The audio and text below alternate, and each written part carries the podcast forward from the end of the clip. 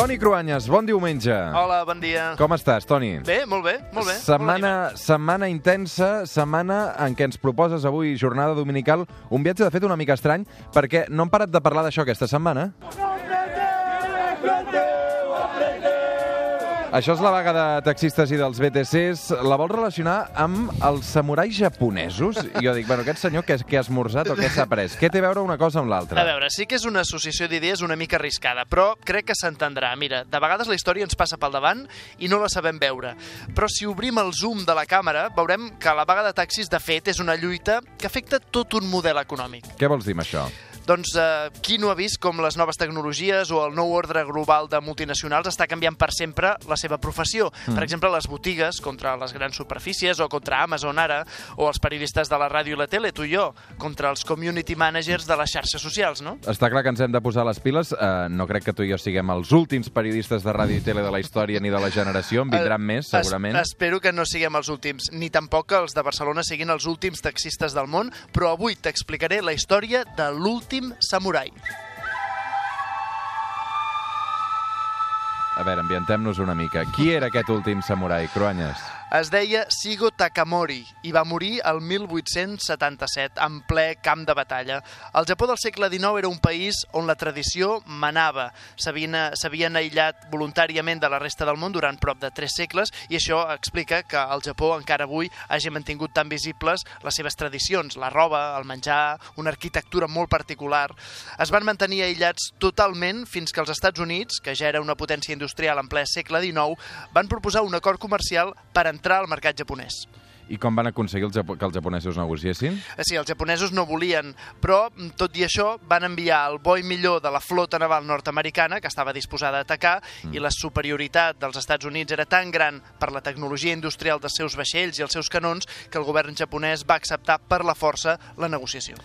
Per tant, eh, tot plegat va ser per la força. No sé com s'ho van prendre, això dels japonesos d'haver de negociar per la força. Va ser una humiliació per una classe dirigent que, de fet, feia segles que s'aferrava a la seva tradició i aquest aïllament per mantenir els seus privilegis. S'acabava el discurs que tot allò estranger era dolent perquè van veure amb els seus propis ulls que la tecnologia dels nord-americans era millor. Així que, no sense conflictes interns, els japonesos van rendir-se a l'evidència. Occident els havia passat la mà per la cara amb millores tecnològiques vegades. Doncs qui ho diria, perquè ara mateix precisament el Japó és un símbol de l'avantguarda tecnològica, no, Toni? Sí, ja llavors, en ple segle XIX, els japonesos es van conjurar per aprendre tot el possible de la tecnologia occidental. Per això, milers d'enginyers i mestres d'Europa i dels Estats Units van arribar al Japó per ensenyar i assessorar les autoritats. En només 10 anys hi havia línies ferroviàries, telègrafs i fàbriques per tot el país.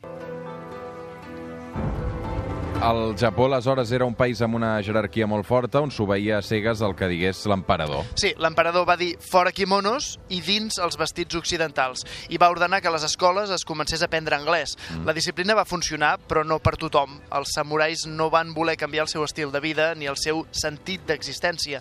I com que tot el que fins aleshores havien fet per ordre de l'emperador, van defensar els valors tradicionals japonesos fins a la mort. Clar, qui eren aquests samurais, Toni?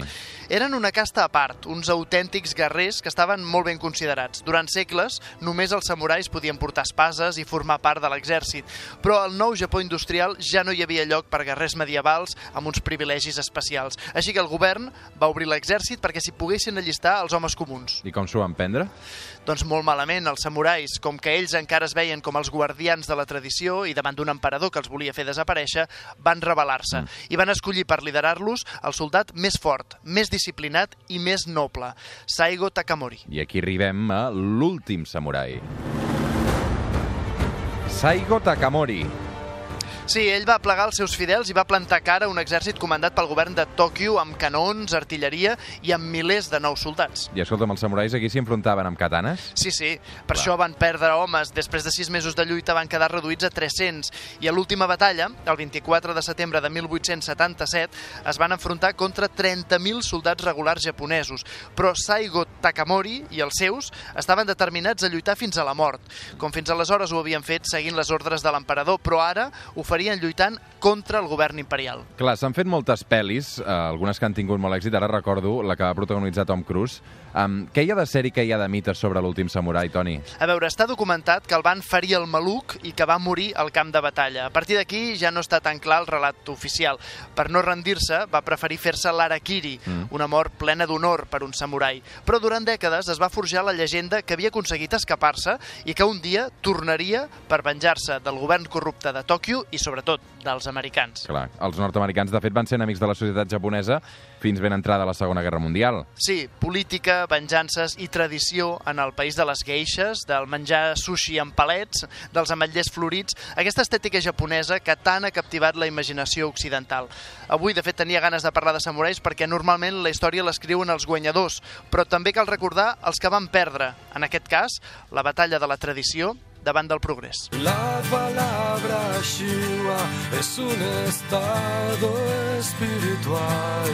Avui, Toni, arribarem fins les 9 del matí, si et sembla, amb aquesta cançó de Love of Lesbian, Shiva, inclosa en un disc que es diu Cuentos chinos para niños del Japón. Perfecte, doncs acabem amb els samurais. Fantàstic, aquest samurai del Cruanyes i tot això que hem començat parlant del taxi, eh? A vegades eh, els diumenges tenen aquestes coses, Cruanyes. Molt bé, que vagi bé, bon Una dia. abraçada.